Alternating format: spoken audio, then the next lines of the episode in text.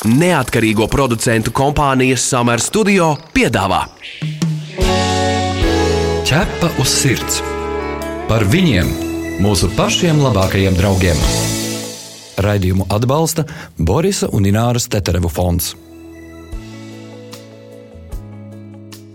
Esiet sveicināti, darbie Latvijas radio pirmā kanāla klausītāji. Radījums ķepa uz sirds ir klāts. Mani sauc Magnus Eriņš. Mani sauc Inese Kreitsberga. Labdien, labvakar visiem!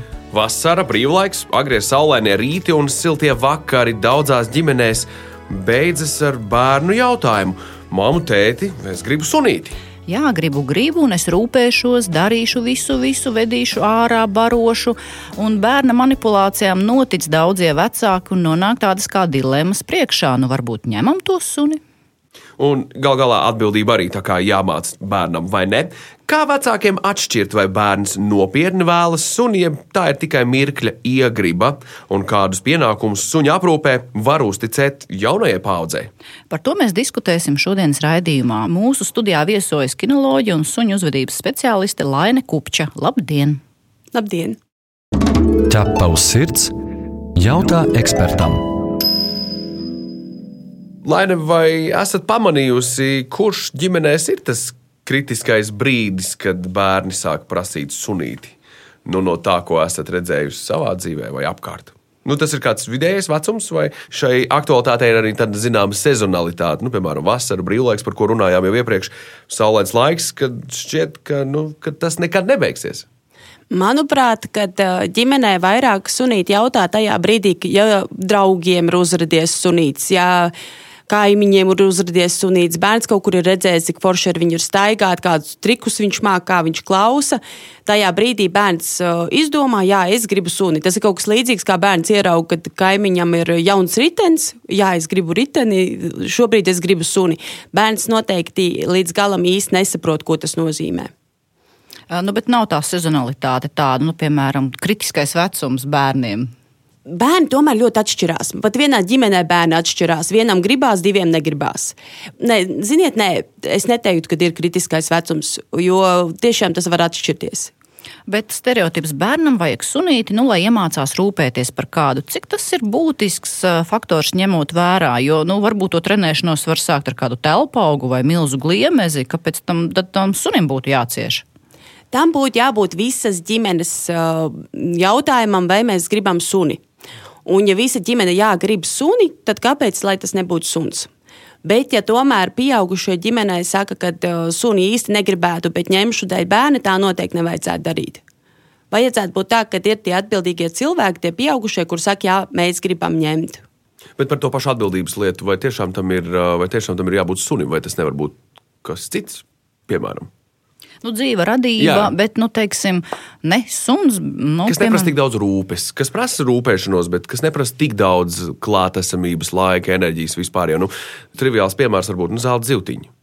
Vai pelīte. Vai, vai, vai tas pats milzu gliemezis, salīdzinoši šīs dzīves ilgums, nu nav tādas mocības daudzu gadu garumā, ja nu nesapas.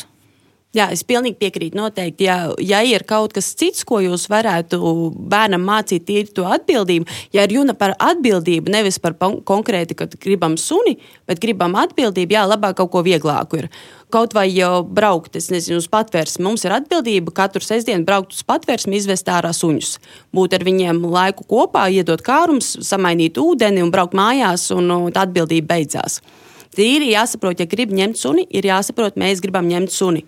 Tā nevajadzētu būt tādai, nu, pieņemsim, bērnam aizņemtību gribās, tā tad vajag bērnam iedot suni, lai viņš ir aizņemts. Tā nevajadzētu būt.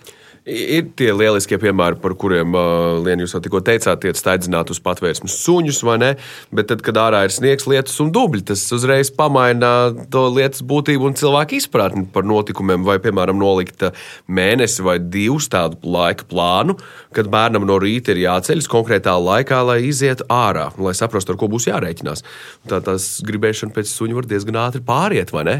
Jā, tieši tā. Un tad bērnam ir tā opcija atteikties. Šobrīd es vairs negribu gribu būt kopā ar suņiem, šobrīd es gribu spēlēt futbolu, šobrīd es gribu sākt dziedāt. Tas bērniem ir svarīgi, ka viņi drīkst uh, izvēlēties, jo bērnam pateikt, ja tu paņemsi suni 15 gadus, uh, trīs reizes dienā iesi ārā, dosi suni mēst, visu to lielā izņemtība tev tagad sekos obligāti. Saki man, jā, viņš piecos gados pasaka jā, un pēc nedēļas, protams, viņš var pateikt nē, jo es gribu darīt kaut ko citu. Pat ar patversmes suņiem ir tā lieta, ka var uh, pārtraukt iet pie viņiem ciemos, un tur nāks citi cilvēki ciemos. Tad būs tā atbildības pārtraukšana, kā, bet nu, tas nav vairs tavs suns.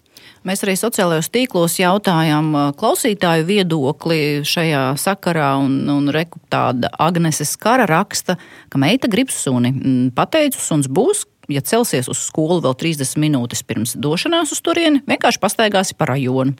Uz pārējo diskusijas dalībnieku jautājumu, vai meita staigā, atbildi pagaidām vēl nē. tā kā pat nav sākusi staigāt pa to rajonu, tā kā īstenībā tā gribēšana pēc tās suņa jau ir diezgan skaidri jau parādījusies, ka nu, nav, nav, nav tās motivācijas tik, tik lielas, vai ne? Savukārt Kristēna Kanča raksta, jo vēlāk, jo labāk un pat ir priecīga, ka vecāki viņai suni uzticēja tikai, kad pašai bija jau 15 gadu. Kas tas... ir 15 gadi, tas ir pusaudzis, viņam tā tā atbildība ir lielāka. Kāpēc jums liekas tas labāk? Manuprāt, par to vecumu arī ir labs jautājums, jo būs cilvēks, kas 15 gados vēl galīgi nezinās, ko viņš grib. Un 15 gadi tas ir gandrīz tas brīdis, kad cilvēks jau beidz vidusskolu un lemj, kur studēt tie būs, nu, cik tur sanāk, tie gadi, laikam, trīs. Tad pēc trīs gadiem viņš var paziņot, es gribu braukt ārzemēs studēt. Atkal, kur paliks suns. Tāpēc vienmēr ir jāatdurās pret to, kad uh, ņem pieaugušie sev un bērns piedalās. Pieaugušie ir tie, kas zina grafiku, kad suns ir jābaro, kas ir jādara, bet ja bērns saslimst, izlemj darīt kaut ko citu, iet futbolu, spēlēt ja vakaros. Galā uz randiņiem sāks iet, tad jau vispār suns nebūs prātā. Jā, un ja draugam ir alerģija uz suņiem, pieņemsim, uzreiz būs tā, ka sunim būs jāpliek tomēr mājās pie pieaugušajiem. Jo gribēsies pavadīt laiku ar draugu, kurš galīgi negrib uh, suni redzēt savā tuvumā. Ķepaus sirds, suņu būda. Mēs vēl esam tajā procesā, kuru mēs domājam, ņemt vai neņemt to suni. Ko jūs domājat par tādu risinājumu, ir paņemt suni uz pagaidu mājām? Jo ir daudz dzīvnieku glābēju, kuri fiziski nespēja uzņemt savās mājās suņus, kas meklē jaunus saimniekus. Bet, ja ģimene, kura nu, nav pārliecināta, gatavi vai nav gatavi sunim, viņi paņem, tad jau visai ātri top tas zināms. Cik liela tam bērnam tā gribēšana ir, vai viņi vispār ir gatavi sunim? Ko jūs par to domājat? Vispār doma ir laba, bet nu, tad ir jārēķinās ar visu pārējo to fonu, kāpēc suns ir palicis bez mājām, vai viņam ir kādas uzvedības problēmas. Un arī īsnībā tas ir diezgan labi, ja ģimene ierauga, ka sunim var būt kaut kādas uzvedības problēmas, kas ir jārisina tad viņi varētu meklēt speciālista palīdzību un to visu kopā risināt un tiešām redzēt to realitāti. Un tajā pat laikā meklēt tās īstās mājas. Paga, paga, paga, bet vai tad ir vēlams ģimenei, kuriem nav pieredze ar suni, ņemt suni, kurš jau ir cietis? Tad drīzāk varbūt te būtu jāizvērtē, kā jūs teicāt, kurš ir tas suns, kuru ņemt uz tām pagaidu mājām. Ne? Es uzreiz varu teikt, to, ka ideālo suņu nav. Nav pat ideālo suņu šķirņu suņi, ko es esmu mācījusi, ir nākuši arī no tādām šķirnēm, tādiem vecākiem, kur visam bija jābūt lieliski, un cilvēki ņēma, lai viņiem nebūtu problēmas. Un problēmas radās pie brīnišķīgas apmācības, pie brīnišķīgiem dzīves apstākļiem. Problēmas radās. Un viņi mācās no jauna tam sunim pielāgoties. Suns, kurš ir cietis, nevienmēr būs sliktākais variants. Ja sunim ir iedzimta laba uztvere un laba uzvedība iedzimta, bet viņam ir slikta pieredze, kas viņam diktē rīkoties tā vai šavā, savādāk, viņš ātri atgriezīsies, adaptēsies, atgriezīsies, izmainīsies. Un cietis suns nav tas sliktākais. Jo vēl par tām pagaidu mājām runājot, ko jūs kā kinologs komentētu, vai tas ir vai nav pareizi, jo eh, nu, tas sanāk tā kā paņemt suni uz eh, izmēģinājumu laiku, bet nu, vienalga viņam tiek meklētas jaunas mājas. Tas nav tā kā paspēlējos un pietiek, tas tomēr ir savādāk, pareizi. Jā, Pagaidu mājas ir labs variants, jo patvērsmēs un vietās, kur suņi ir ļoti daudz, kur viņi parasti nonāk, tad, kad viņiem vairs nav māju, īsti viņu īsto uzvedību nevar redzēt, nevar redzēt, kādi viņi būs, tad, kad viņi nonāks citā jaunā ģimenē. Ja pagaidu mājas ir atbildīgi cilvēki, kuri nu, nav tā, ka viņi tiešām neko no suņiem nezina. Viņi apmēram zina, kā ievirzīt problēmas. Viņi meklē profesionāla palīdzību, lai tās problēmas ievirzītu. Tur vairāk varēs redzēt, kāds suns būs, kad viņš nonāks īstajās savās mājās. Pagaidu mājas ir labs variants. Ķerpa uz sirds, diskutē. Vēl sekojot līdzi klausītājiem un viņu aktivitātēm, sociālos tīklos Larisa Kīve rakstīs šādi. Es saku, ka suņi, kas aug kopā ar bērniem, ir fantastika. Vienīgi viņi baidās no dienas, kad bērnam būs jāpaziņo, ka suņuks ir uz mākonīša. Jā, kā tad bērnam pastāstīt, ka dzīvniekam ir īsāks mūžs? Es atceros no savas bērnības, man teica, ka viņš ir suņu tramvajā. Lai arī ko tas nozīmē? Kur? Suņu tramvajā. Viņi aizbrauc ar suņu tramvaju. Tāds, wow, kas ir suņu tramvajs? Izskaidrojiet man. Bet, bet tieši to pašu faktu, jā, kā runāt ar bērniem par, par šīm lietām. Bet cik tas ir vispār bieži sastopams? Jo, ja mēs pieņemam, ka sunim tomēr ir vidusmēra, gribētos, ka viņš nodzīvo tos 15, 17 gadus, cik bieži bērnam būtu šāda informācija jāpiedzīvo? Suņiem mēdz būt arī slimības, un slimību laikā jau viņi nodzīvo dažreiz pavisam īsu laiku. Bet eh, tīri, ja runā par to, kā runāt ar bērnu, nu, tur katrai pašai ģimenei būtu jāsaprot vispār, kā runāt par nāvi ar savu bērnu. Kā viņam pasniegt, pieņemsim, kristieši, es arī esmu kristieti, mēs sakām, ka eh, dvēseli nonāk debesīs. Mani bērni, kad mums nomira lielais vācu aitusuns, bērni bija pavisam maziņi, un viņi man eh, burtiski katru dienu, gadu lika palūdz dieviņam, pasveicina sunīti, pasveicina, pasaka, lai noglaud. Viņš viņu sauca Fortis, teica, pa, pasveicina Fortīti, lai aizmet kādu mantu viņam. Un viņiem bija tā sajūta, ka nav tā, ka nomirst un vairs nav. Un viņiem bija, viņš turpina dzīvot tikai citur, mēs viņu vairs nesatiksim. Jā, bet dzīvnieku sargaņģeļi jau ir reāla lieta patiesībā mēs paši esam piedzīvojuši ļoti mistiskas situācijas, un to tiešām var apliecināt, ka tas tā ir. Varbūt bērnam, ja no tāda viedokļa pasniedz, tas arī viņi var būt lūgt vai, vai lūgt atbalstu. Patiesībā tas iedod tādu turpmāku komunikāciju arī. Jā, viņiem ir tā pozitīvā iznākuma sajūta. Nevis vienkārši viņš nomira, mēs viņu aprakām, un, un kas tur notiek zem zemes ar viņu tagad, bet viņš nomira un viņš tagad ir debesīs, vai viņš nomira un aizbrauc ar tramvaju. bet nu, tā, tie ir tā pozitīvā sajūta, tā nobeiguma sajūta. Atgādinām, ka pie mums studijā šodien viesojas kinoloģija un suņu uzvedības speciāliste Laine Kupča, un mēs diskutējam par to, kā saprast, vai ģimene ar bērniem ir gatava sunim. Šo radio pārraidi varēsiet dzirdēt arī populārākajos straumēšanas servisos, podkāstu formā, kā arī mājaslapā www.ķepus.CLV arhīva sadaļā. Tu esi mans draugs, ķepus sirds. Laine, no kāda vecuma jaunietis vai bērns vispār var vest uh, suni pastaigā. Ja mēs pieņemam, ka tas bērns jau, nu, tāda ģimene jau to sunīti ir dabūjusi, un tagad mēs mācāmies visi sadzīvot. Jārēķinās ar to, ka nu, suns iziet kopā ar bērnu ārā staigāt, un kas var notikt tajā brīdī.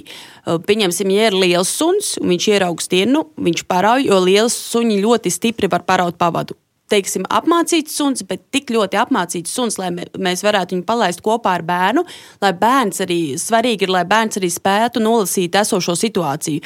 Suņa ķermeņa valodu, pamanīt, ka suns ir kaut ko pamanījis un jau pārslēgt uzmanību. Tur ir vesels komplekss kas ir jāizdara ar uh, suni, lai viņu varētu pievērst sev, sev, ja tas ir ļoti stiprs suns.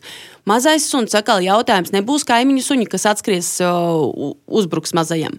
Vai bērns būs tik spējīgs iz, izšķirt kautiņu, vai viņš pats necietīs? Ir internetā redzama video, kur uh, Es tikko redzēju video, kur Yorkshire terjeram bija kojots, laikam, uzbrucis, un meitenīte muka projām un skrēja, un, un viņi ar to suni kopā. Tas viss ir, tas ir hauss, jau pieaudzis cilvēks. Bieži ir tā, ka viņš nezina, kā reaģēt. Un tad jautājums, ko, kā bērns reaģēs. It kā pati ideja, ka bērns ved ārā sunīti, ir ļoti laba. Bērns tiek ārā, viņš pastaigājās, varbūt viņš arī ir vairāk drošībā, ja viņš ir ar to lielo suni. Bet jautājums, ja kaut kas notiks. Un galvenais, lai tas bērns pastaigas laikā nesēž pats telefonā, un tā visa uzmanība ir uz telefona. Viņš maz īsti nesaprot, kas tur notiek ar to suni apkārt. Jā. Nu, tie riski ir, jā, suns var izrauties, tam var uzbrukt cits suns, ja suns uzbrūk kādam citam sunim. Vēl kādi riski? Nu, kaut gan tie arī nekādi mazie nav. Nu, arī tie paši citi bērni, pieņemsim, ja bērns iet pa ielu, viņam tas suns ir vēl tādā vecumā, iespējams, ka viņu īsti nepazīst. Pieņemsim, tas pats pusauģu vecums, kurš sākās ap 5, 7, 8 mēnešu pieauguši lielajiem suņiem. Tas ir tas brīdis, kad viņi iepazīst, kāds viņš būs, tad, kad būs liels. Un, pieņemsim, skrien klāt draugi, un šis suns pēkšņi sāk viņiem brukt virsū. Līdz šim viņš ir bijis ļoti priecīgs, un pēkšņi viņš brūk virsū, tāpēc ka vienkārši viņš ir sasniedzis noteikto vecuma posmu. Vai arī, nezinu, pieskrien klāt jau draudzīgam sunim, kāds nejauši uzkāpa uz kājas, un viņš iekāpja. Vai bērns, bērnam ir svarīgi iemācīt ķermeņa valodu, lasīt suņa, lai viņš varētu noreaģēt attiecīgi noteiktā situācijā. Bet vai nav tā, ka suns ļoti labi redz, kuru viņš var manipulēt? Ja, piemēram, viņš ir iemācījies, ka pieaugušie ir jāklausa, tad viņš dara visu, lai dominētu pār bērnu. Man pašai bērnībā bija situācija, man bija kokers panelis, un viņš, piemēram, atteicās ar mani pastaigās doties. Viņš, piemēram, apsēdās un vienkārši negāja. Un tas nozīmē, ka bērns jau patiesībā nezina, kā, kā to situāciju risināt pati dominēšana ir primārā pieeja ierobežota daudzuma resursiem. Tas nozīmē, ka, ja suns grib savu foršo pastaigu, viņš nesēdēs. Un, uh, tur kaut kāds cits tas iemesls bija. Ja viņš sēdēja un negribēja nākt līdzi, tur bija cits iemesls. Varbūt kaklasiks ne viņam spieda, varbūt pavada sitās gar sāniem, varbūt viņam bija bail iet kopā ar bērnu, varbūt tīri kaut kāds cits iemesls. Bet uh, pati dominēšana, ja suns kaut ko grib, viņš nepārstās to gribēt tikai ar ideju, lai viņš kļūtu galvenais. Viņš tīri priekš sevis nodrošinot, viņam tieši ir interesi to dabūt ķepa uz sirds noskaidro.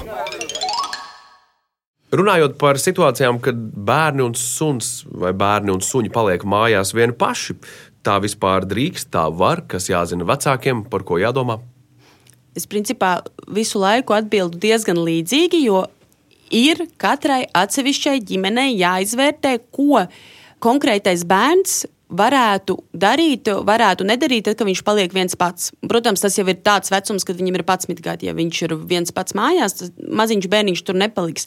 Bet uh, pieaugušam bērnam, ja viņam ir 11 gadu un ja viņam uzticās, viņu vienu pašu var atstāt mājās kopā ar suni, atkal ir ļoti svarīgi, lai viņš jau pazītu ķermeņa valodu, savu suņa stiprās vājās puses, spētu novirzīt, uh, pieņemsim, suns aizņēmis mīļāko divānu, lai viņš nevis viņu grūstu ārā, mestu ārā. Tagad neviens neredz, tagad es varu. Bet iemācīt sunim uh, klausīt ar, ar aicinājumu iznākt ārā.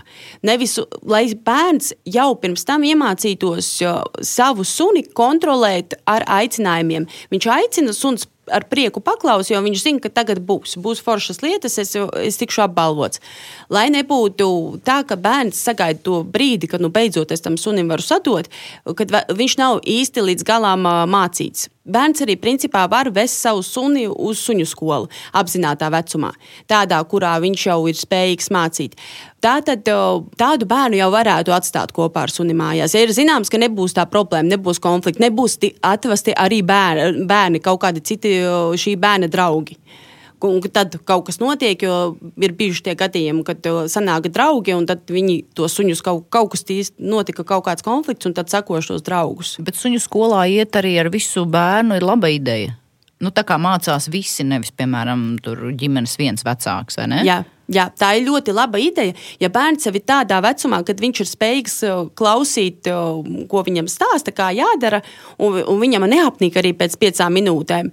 Un varbūt pat apnīk pēc piecām minūtēm. Viņš piecas minūtes padarbojās, un pēc tam viņu aizved projām. Bet tīri, ja viņš māca suni, man mazie mani bērniņi, principā no divu gadu vecuma viņš jau māca suni atsaukt, māca sunim pateikt sēdi un aizmet mantiņu. Un suns tam visam klaus, jo viņš zina, ka sekos kaut kas labs par to bija tas nākamais jautājums par to, ka diezgan bieži mazākie bērni kucēnus nu, riktīgi, riktīgi čamda un tausta un dara tiem pāri. Kā, kā par šīm lietām runāt? Kā izskaidrot bērniem, ka nevajag tā rīkoties, jo potenciāli var nu, sagaidīt pretī kampienu?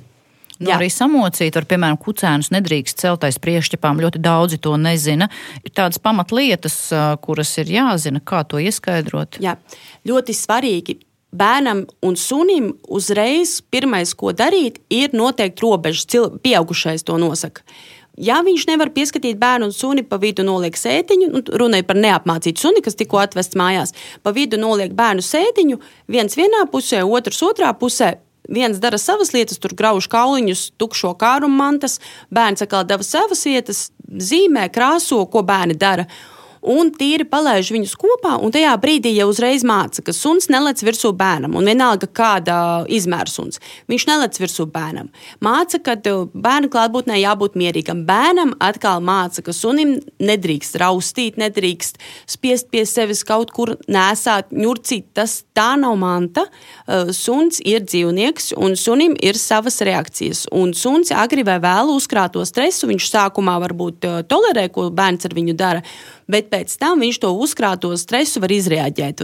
Arī tajā brīdī, kad viņi paliek vieni, ir kodiens, un tad parasti to kodienu sauc. Viņš nāca ne no kurienes. Visu laiku viss bija labi, un kodiens nāca ne no kurienes, bet tā nav. Nu jā, un suns jau vienmēr būs zaudētājs, jo viņš jau nepateiks, kā bija patiesībā. Mēs pat esam runājuši ar vairāku suņu audzētājiem, piemēram, franču buldogu audzētāju. Viņi atklāti pateica, ka viņi nedod buldoga kucēnus ģimenēs, kurās ir bērni, jo bērni tos kucēnus dažkārt nomet. Tas suns tiek traumēts vai ne, un patiesībā nu, izvairās. Tiešām tie gadījumi ir diezgan bieži, tie, tie traumatismi, tas, ka tur no dīvāna nokrīt vai uz, uzsēžās virsū vai uzkāpj jā, uzkāp, man, man bija manai mazai sunai, man puika iemet ar mantu. Tas tiešām notiek, bet nu, tas bija nelaimes gadījums, jo ne, ne, ne viņš viņu nesa, ne viņš viņu spieda, bet ienes, iemeta ar mantu pāci. Viņai bija liela trauma atstiņā. Viņai vēl maziņš sunītis bija man tajā laikā. Bet tie ir tie traumatiskie jā, gadījumi, ja to ļauj darīt. Protams, ka tas agri vai vēl būs, jo suns mums ir tā sajūta, ka viņi var paciest visu, un tā vispār nav. Viņi ir, viņiem arī ir traumas, ir sevišķi, kamēr viņi kucēni vecumā vai mazi sunīši. Lielie vairāk varēs tur pagriezt muguru un aiziet, jo viņi nevar viņu vienkārši noturēt, bet arī tas nav godīgi. Pret dzīvnieku nav godīgi izturēties tā, it kā viņš saprastu mūs, tā kā mums mazais bērniņš lien virsū, mēs saprotam, oi, maziņš, viņš neko nesaprot, viss ir forši. Suni, suni vajadzētu vairāk uztvert par dzīvnieku, un viņiem ir sava, sava spēja kaut ko tolerēt, un pienāks brīdis, kad vairs tā nebūs. Ir tās ķermeņa valodas pakāpieni. Sākumā suns ar ķermeņa valodu signalizē, ka viņam ir diskomforts, viņš cenšas izvairīties, atkāpties, attiet malā. Tīri parādīt, ka nu, šis, man, šis ir tas, ko es nevēlētos tolerēt, un tas ir ļoti pieklājīgi no suņa puses. Un, ja mēs to ņemsim vērā, tad suns arī paliks pie šīs komunikācijas, nesakos kodiens tīri vajadzētu jau mācīt sunim uzreiz, jā, es tevi saprotu, es tev lieku mierā, šobrīd tu negribi. Visur kopā - ķepus sirds. Bet kā pareizi vispār to reakciju prognozēt no suņa puses? Jo, piemēram, es esmu pieredzējis filmēšanas procesā tādu situāciju, ka vecāki bijuši citā istabā, un, un tas bērns spēlējās ar suni, un es redzu, ka tas suns ļoti, ļoti daudz ko piecieš. Viņam plucina ausis, viņam tur lien mutē, nu viss mīļo, nu tā kā mīļo, bet tas suns ļoti, ļoti cieš, piecieš.